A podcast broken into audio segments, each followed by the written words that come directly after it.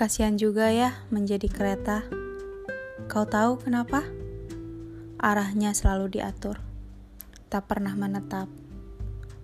Walaupun begitu, ia tetap saja tersesat di dalam dunianya yang teratur itu.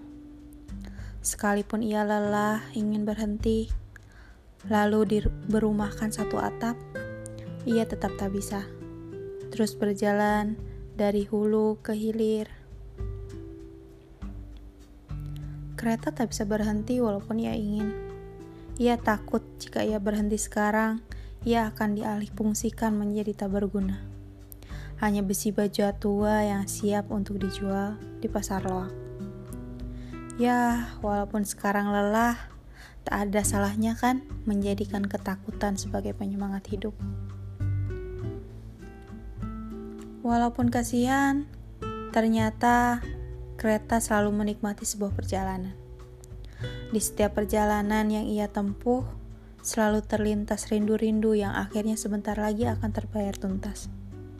Walaupun sebentar, tak jadi masalah. Kau tahu kenapa? Agar ia bisa menghargai setiap pertemuan yang singkat itu.